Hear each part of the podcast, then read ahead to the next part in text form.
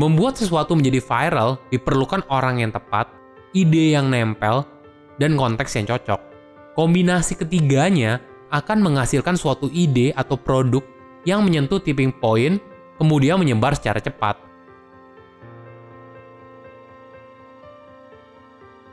Halo semuanya, nama saya Michael.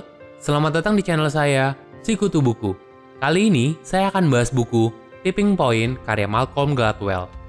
Buku ini membahas bagaimana sebuah ide bisa tiba-tiba menjadi viral setelah memenuhi beberapa kriteria tertentu. Saya pribadi sangat suka dengan buku-buku yang ditulis oleh Gladwell. Tipikal buku Gladwell ditulis berdasarkan riset ilmu sosial yang biasanya melawan mitos atau kepercayaan pada umumnya. Ditambah lagi, penulisannya dibuat ringan sehingga sangat mudah dipahami. Tipping Point merupakan buku pertama yang diterbitkan oleh Gladwell pada tahun 2000 Sesuai dengan pembahasan di buku ini, Tipping Point merupakan buku bestseller dan menurut saya beberapa poin dari buku ini masih relevan di zaman sekarang. Ada tiga hal yang membuat sebuah ide bisa viral. Yang pertama, the law of the few. Gladwell menjelaskan, ada tiga tipe orang yang berkontribusi sebuah ide bisa viral.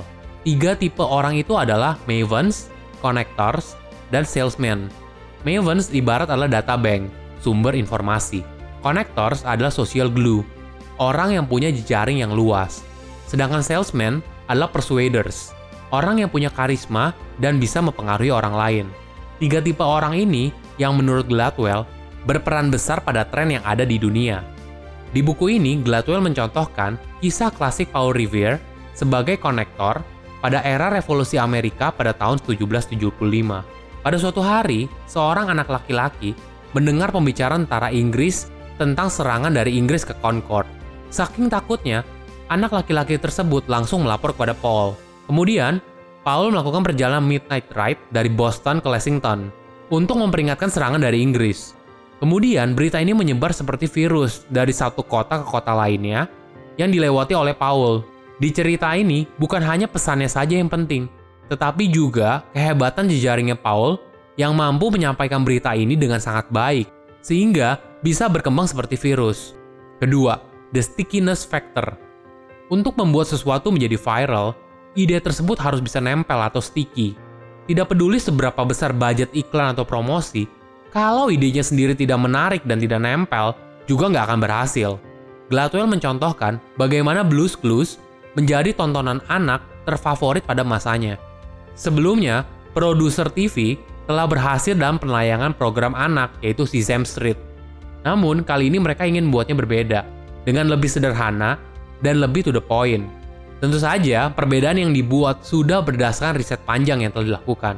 Risetnya telah dilakukan pada anak preschool, dan masing-masing anak diberikan teka-teki untuk melihat bagaimana perilaku mereka. Hasilnya, Blues Clues menjadi program anak yang fokus pada penyelesaian teka-teki dan banyak pengulangan. Mungkin bagi orang dewasa pengulangan semacam ini sangat membosankan. Tapi ternyata hal itu anak-anak suka di mana itu merupakan bagian dari proses pembelajaran mereka. Ketiga, the power of context. Konteks atau lingkungan seseorang berpengaruh lebih besar dibandingkan dengan kepribadian orang tersebut. Konsep ini juga menganut paham bahwa perubahan kecil yang memicu perubahan yang besar. Gladwell mengutip broken window theory. Jadi ini merupakan teori kriminologis yang menjelaskan bahwa kejahatan serius seperti pembunuhan, pemerkosaan, dan perampokan biasanya didorong oleh pelanggaran yang kelihatannya sepele, seperti grafiti dan kaca jendela yang pecah. Nah, Gladwell mencontohkan, pada pertengahan 90-an di New York, tingkat kriminalitas di sana menurun secara tajam. Ternyata, di balik itu, ada dua orang, yaitu wali kota dan kepala polisi pada masa itu, yang menerapkan broken window theory. Jadi, mereka menindak tegas pelanggaran minor seperti grafiti, kencing di sembarang tempat, dan sebagainya. Kemudian dalam beberapa tahun, kejahatan serius di New York telah berkurang secara signifikan. Membuat sesuatu menjadi viral diperlukan orang yang tepat, ide yang nempel, dan konteks yang cocok. Kombinasi ketiganya akan menghasilkan suatu ide atau produk yang menyentuh tipping point, kemudian menyebar secara cepat. Silahkan komen di kolom komentar pelajaran apa yang kalian dapat ketika baca buku ini. Selain itu, komen juga Mau buku apa lagi yang saya review di video berikutnya? Saya undur diri, jangan lupa subscribe channel YouTube si kutu buku untuk versi animasinya. Bye-bye!